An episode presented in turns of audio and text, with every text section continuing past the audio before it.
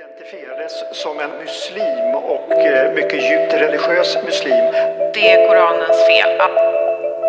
andra ändan där man 100% Mohammedan. Det är Koranens fel. Det är Koranens Men hur, vad, hur ser du på dig själv? Tar du avstånd från wahhabism och salafism? ett globalt kvinnoförtryck som finns Identifierades som en muslim och eh, mycket djupt religiös muslim mycket, djupt religiösa muslimer. Assalamu alaikum wa rahmatullahi wa barakatuh. Varmt välkomna till Muslimitet. Mitt namn är Nour Nassef och med mig har jag såklart mina kära syskon och vänner.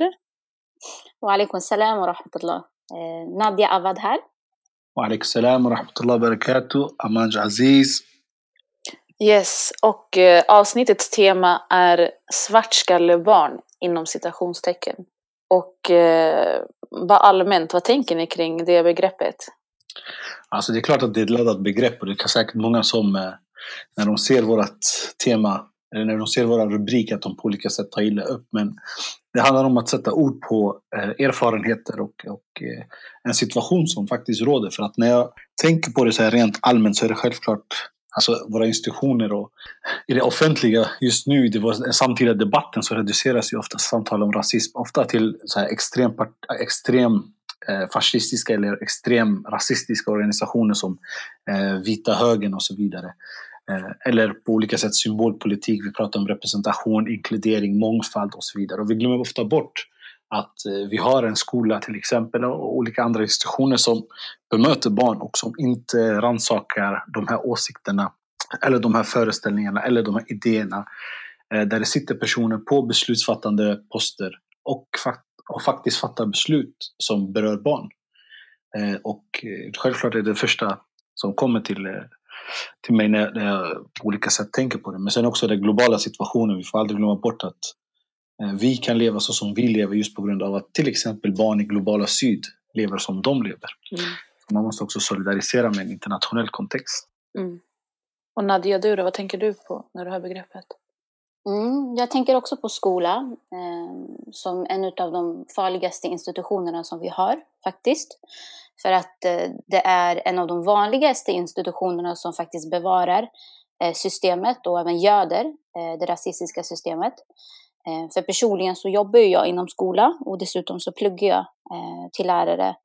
Och alla som har jobbat eller jobbar inom skola och är någorlunda bevandrade i systemkritik eh, vet om att rasism existerar inom skolvärlden. Och det behöver nödvändigtvis inte vara så att det är våra styrdokument eller lagar och regler direkt som är rasistiska, utan det är snarare att lärare, rektorer och annat folk som jobbar på skolor eh, ja, men ter sig rasistiska mot bruna och svarta barn just på grund av att de är icke-vita. Mm. Och ni båda nämner eh, specifikt skola och jag tänker bara allmänt att alltså förskola och skola är många gånger den alltså första platsen där barn, bruna och svarta barn direkt eh, alltså får uppleva rasism. Att det är första gången där det sker, antingen förskola eller skola. Eh, men sen tänker jag också allmänt tillbaka till ens egna barndom. Eh, hur man blivit positionerad som ett svartskallebarn. Eh, och på så sätt också ja, men blivit, eh, alltså att en själv och ens bruna och svarta vänner och kamrater blivit eh, offer för olika typer av disciplineringsåtgärder. Eh, ja, men så olika tillsägningar, att man har blivit eh, eh, så vita tanter och gubbar som eh, försöker på något sätt eh, upp, uppfostra en eh, fast man inte har gjort något speciellt eller särskilt som avviker från att vara barn. Till exempel att man kanske har varit lite högljudd eller eh, lekt på en plats som man kanske inte ska leka på. Eh, Mm. Som i princip alla barn gör. Men då att den här positioneringen som ett svartskallebarn blivit väldigt tydligt eh, i de här sammanhangen. Yes, alltså vi har ju till exempel pratat om det här med alltså den här dikotomin mellan goda och onda muslimer. Eh, och vi har ju ofta pratat om det utifrån att det är vuxna som utsätts för den, eh, utifrån den stämpeln. Men alltså, om jag tänker utifrån min egen barndom, eh, från att vara liksom uppvuxen i Kumla och liksom eh, själv bevittna rasism och även utsättas för det, att eh, det startar faktiskt väldigt ungt. Alltså att man blir stämplad som en, som en bra eller dålig muslim eller som en god eller ond muslim. jag tänker till exempel eh, i mitt fall när jag, eh, eftersom jag var född och uppvuxen här i Sverige, så om det hade varit någon klasskamrat som hade kanske bott bara i Sverige i några år och skulle uttrycka sig om vissa saker och jag sa exakt samma sak. Det kan vara typ, ja men vi har en, vi har en diskussion i, eh, i klassrummet. Så var det ofta att liksom läraren gav gehör för mig. Alltså just för att eh, ja, men jag var kanske möjligtvis närmare svenskheten och vitheten än vad den andra klasskamraten var. Eh, likadant när jag blev Mm. äldre så var det liksom omvända roller för att jag själv var tydlig med att jag inte identifierar mig som, som, eh, som svensk. Utan jag sa att ja, men nej, jag är egyptier och så här. Och så blev det liksom att det blev ett ställningstagande att jag var emot allt vad svenskheten stod för fastän jag egentligen inte var det utan jag bara identifierade mig inte som det. Så jag känner att liksom den Mm. epiteten fäst, befäst på våra barn eh, än liksom att det bara liksom börjar i vuxen ålder. Mm, 100 procent. Ehm, och så om vi gör en liten så här, historisk eh, tillbakablick. Jag har ju en del av min utbildningsbakgrund inom barndomssociologi. Och eh, alltså inom barndomssociologi så har ju generellt liksom synen på barn först varit att man förstår dem som eh, så kallade becoming. Alltså att de är kommande vuxna. Eh, och eh, senare så kom då med den nya barndomssociologin att eh, barn skulle förstås som being, att de är här och nu, de är ett varande. Ehm, och om vi förstår, om vi diskuterar, alltså om vi förstår de här olika eh, benäm- eller de här olika tillstånden som att eh, de olika tillstånden att vara barn på kopplat till svartskallebarnet så tänker jag ehm, generellt att alltså bruna och svarta barn tillskrivs ju olika egenskaper och eh, föreställningar, inte minst som eh, potentiella terrorister, eh, när det kommer till muslimska barn, eh, svarta barn som potentiellt kriminella, eh, bruna barn som så kallade skäggbarn. Och då är det hela tiden en sån här tillstånd av becoming, att de är kommande. Eh, eller redan vuxna. Alltså till exempel i, sam, i, i samtalen om, om det som du kallar skäggbarn till exempel. Och det är mycket ensamkommande flyktingbarn som kallas det. Eh, Även om de anses vara becoming, det vill säga att de på olika sätt, i olika scenarier, i olika situationer så kan de ses som personer som... eh, Och det är det som är grejen med att vara oftast i en rasistisk värld så ses inte, oavsett om man är vuxen eller barn, dels att man ses inte som eh, tillräckligt människa redan. Utan på något sätt att man är på väg att bli människa.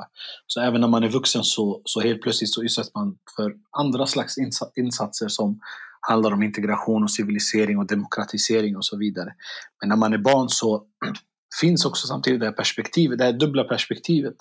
Att dels ska de bli vuxna, dels ska de alltså bli människor, fullständiga människor. Att de inte är riktiga människor än. Men dels också att de redan är vuxna i vissa fall. Mm. Eh, Och därför kan också ställas till svars och skällas på eller förväntas. Mm. Eh, alltså det finns massa sådana exempel och, och, och dagliga exempel där eh, människor som människor har uttryckt hur, hur, hur de upplever att när till exempel ett barn som har en utländsk påbrå eller bakgrund eller hur man än vill kategorisera det, men på något sätt är icke-vit, eh, gör någonting så, får, så är toleransen gentemot det barnet mycket mindre än till exempel man upplever att ett vitt barn eh, får. Och eh, det, är en, alltså en enkel sån eh, en enkel sån observation kan göras, det vill säga när man åker kollektivtrafik. Hur upplever folk till exempel när ett icke-vitt barn skriker i en barnvagn och när ett vitt barn skriker i ett barnvagn? Jag tror det är väldigt många som säkert känner igen att det finns någon dubbelhet där. Mm. Eh, och någon, dubbel syn på det hela. Eh, någon dubbla mått, måttstockar så att säga. Mm. Mm. För det, det jag tänkte på det var att, eh, precis som du säger, att alltså man till, bruna och svarta barn de tillskrivs som potentiella alla de här epiteten som, Ehm, eller de här olika, ja men terrorister och kriminella och så kallade självbarn. Men samtidigt så lever de också med de direkta effekterna av att förstås som det. För att, alltså vi vet ju att eh, svarta barn skjuts av polisen. Vi vet att eh, de som förstås som så kallade skäggbarn skickas tillbaka till Afghanistan. Eh, att eh, muslimska barn får eh, alltså behandlas som alltså som direkta terrorister. Eh, där de ska vara olika typer av eh, infiltratörer eller ska berätta om hur, eh, vad heter de här i UK? Inte M5, heter de så? Eller är det USA? MI5. Ja. Eh, alltså deras åtgärder och deras eh, så kallade insatser på skola. Mm, prevent menar du? Prevent, precis. Ja. Eh, Exakt. så att, Så, så, så små barn som, som förskoleåldern, alltså den yngsta som har varit med tror jag i, ett av, i det här programmet som eh, då Prevent, som är anti, antiradikaliserings... Eh, det här programmet som de har i UK som kallas Prevent. mm, Eh, Ett av de barnen var så- alltså, inte ens, eh, jag tror inte ens två år om inte jag minns fel. mm. Och sattes då in i det här programmet baserat på att ens föräldrar ansågs vara då eh, potentiella radikaliserare. Så det här barnen skulle kunna radikaliseras så pass lite. Ja, men det är ju ofta som muslimer allmänt bara liksom refereras alltså så utifrån så här rasbaserad logik att eh, de skulle kunna vara så här potentiella eh, bärare av våldsamt islamsvara. vara, nästan som en trojansk häst. Eh, och ur den här hästen så kliver liksom barn, kvinnor ut och liksom eh, driver vad som anses då vara framförallt till exempel då eh, muslimska mäns eh, egna värderingar och vad de anser är rättfärdigt. Så det blir väldigt mycket så att barn blir en projiceringsytan av, av, eh, av föräldrarna och vad föräldrarna står för. identifierades som en muslim och eh, mycket djupt religiös muslim. Det är Koranens fel. andra ändan då är man 100% Mohammedan. Det är Koranens fel. Det är Koranens Men hur, vad, hur ser du på dig själv? Tar du avstånd från wahhabism och salafism? Ett globalt kvinnoförtryck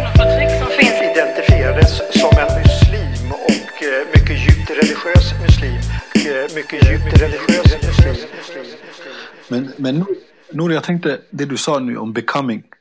Skulle du kunna, skulle du kunna förklara det lite mer djupgående?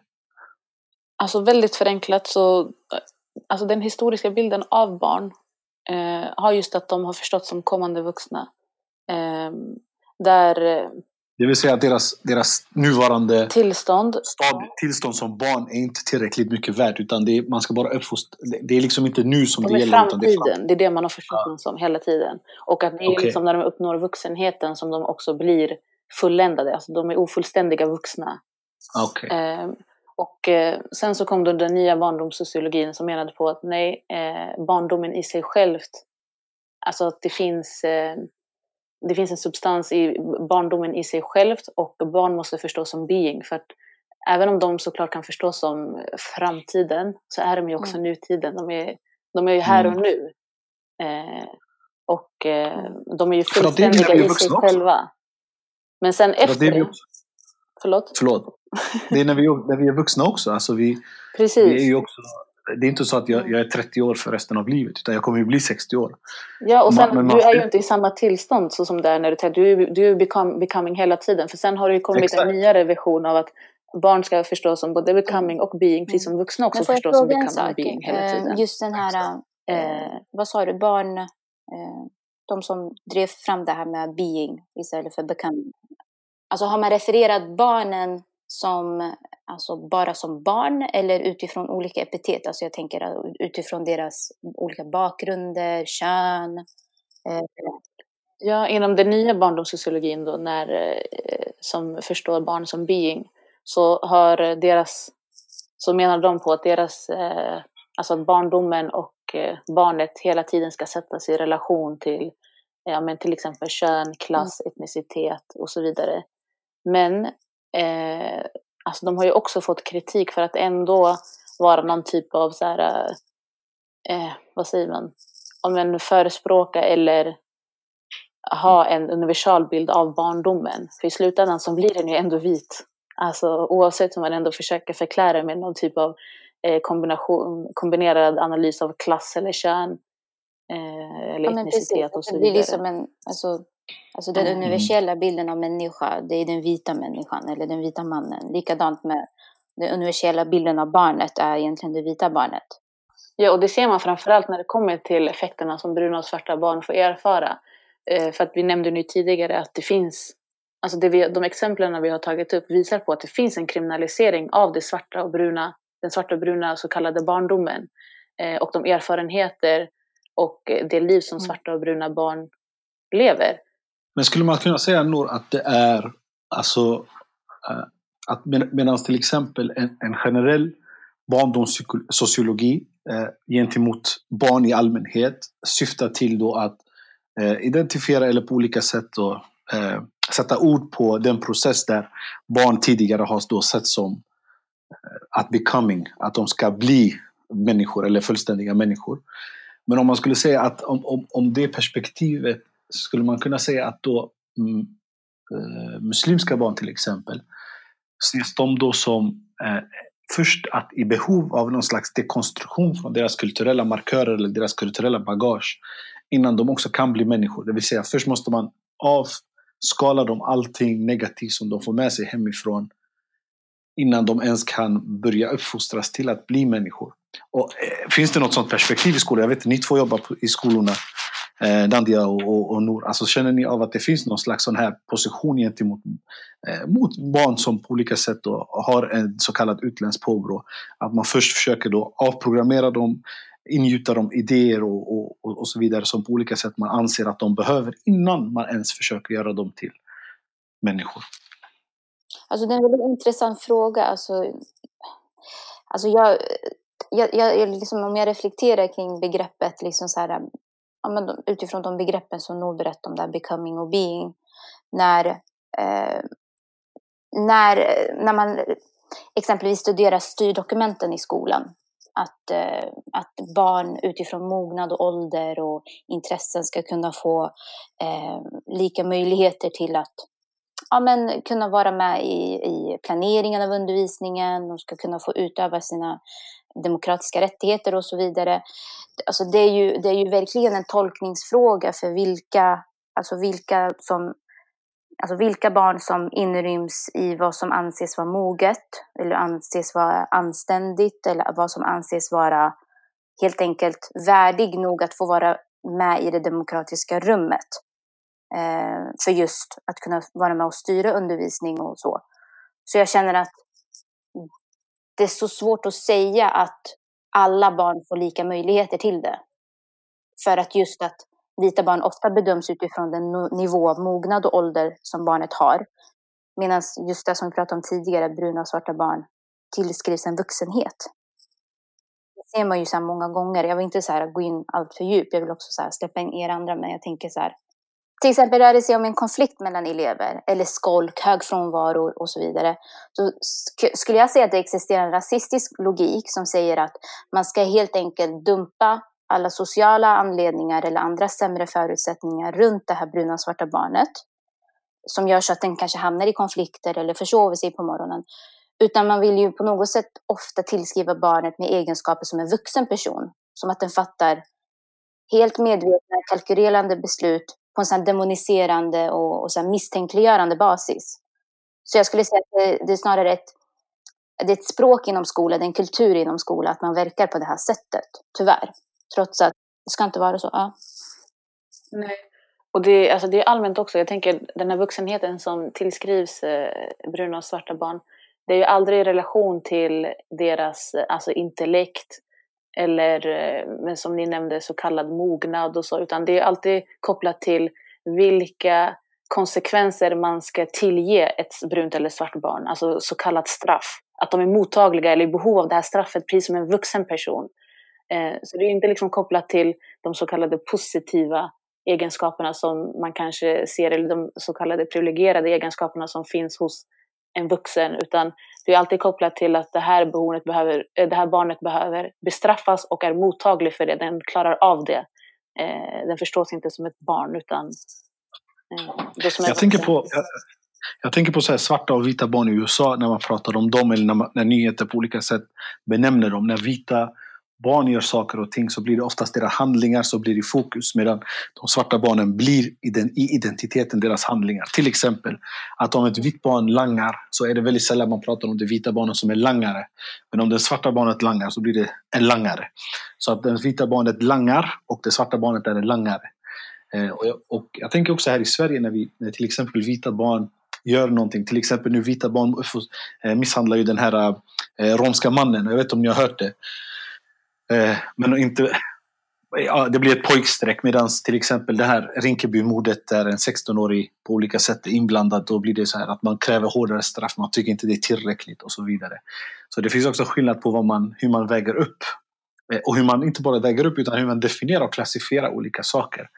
Eh, och det sker väldigt så här, eh, alltså, jag tror omedvetet på väldigt många sätt också. Eh, Att det finns ju systemet att på olika sätt Mm. klassifiera Men det är människor likadant inom socialtjänsten till exempel, hur man, hur man eh, alltså förflyttar barn och liksom ja, men förflyttar dem ifrån sina föräldrar. Eh, vilka barn gör man, med, gör man så med och vilka barn gör man inte så med. Och det är också så här att det finns en ty ett tydligt institutionellt arbete där, där eh, liksom institutioner vill, vill separera. Alltså många gånger bruna och svarta barn ifrån deras föräldrar. Och just där, eh, när, när de eh, får möjlighet att vara ifrån sina föräldrar, det är då man pratar om just det här, att då får de möjligheten till att kunna få växa och fatta sina egna beslut och ta mer ansvar och bli helt enkelt anständiga medborgare.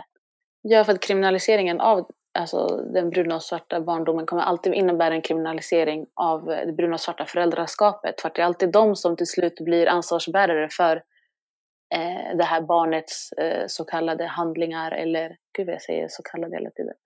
Men i alla fall. eh, men det, det finns alltid liksom eh, ett likamedstecken där eh, mellan eh, bruna och svarta barndomen och kriminaliseringen av eh, bruna och svarta föräldraskapet. För att man utkräver inte det här ansvaret hos vita föräldrar ifall deras barn till exempel nu, eh, om vi nu tar det här exempel som du tog Amanj, om eh, ungdomarna som, de vita ungdomarna som eh, misshandlade den romska mannen till döds. Alltså har någon ens nämnt deras föräldrar? Nej. Nej. Och, Oftast blir det så här också när jag intervjuar föräldrarna så blir det oftast i termer utav att vi såg inte det komma, han var alltid bra. Eh, till exempel i, i samband med så här skolskjutningar och så vidare. Så har det alltid varit att föräldrarna fått komma ut till tals.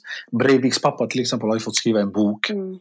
Ja, de Eh, också så är offer för det här, att de på något sätt blir ett Ja, offer för eh, alltså, hela det här, den här kontexten som deras vita barn befinner sig i. Jag tänker också att det är viktigt att ändå, att vi också på, när vi ändå pratar om barn, att vi har barnperspektivet. För att det här påverkar ju barnen, hur barnen ser på sig själva. Eh, det är ju väldigt många som har gjort det runt i Sverige, men jag har också gjort det eh, en sån där, jag, har, jag jobbar ju med socialt arbete och då kommer ibland barn och ungdomar in till min lokal och jag har olika slags projekt och insatser och så vidare för dem. Eh, och eh, då kom, hade jag en sån här där de, där, de fick identifiera sig själva och så fick de identifiera dem de inte var. Så då sa de att de själva var blattar och så sa de att de andra är svennar. Och så sa jag okej, vad kännetecknar en blatte? Och, jag kom, och det som jag har skrivit här, de sa en blatte är kriminell, han följer inte regler, han bråkar mycket, eh, gillar att förstöra saker, klottrar, drogar och så vidare. Och så när jag frågar, vad är en svenne då? Det är en person som följer regler, som snitchar, perfekta, de är favoritelever, de är aktiva, de håller i tiden, de har en bra, de har en bra dialekt.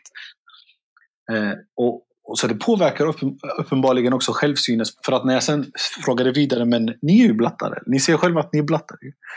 Så vad är jag då? De sa du är blattare. Ja men, är jag de här sakerna? Nej. Och, då, och när jag frågar också, men era föräldrar, vad är de då? Är de svennar? Är de, nej, de är blattar. Men är de kriminella? Nej, de är inte kriminella. Okej, men var har ni fått de här idéerna ifrån? Mm. Så det är väldigt tydligt också att det påverkar barnen själva. Eh, och jag, det finns en eh, rapport som kom ut i USA som handlar om hur islamofobi internaliseras av barn.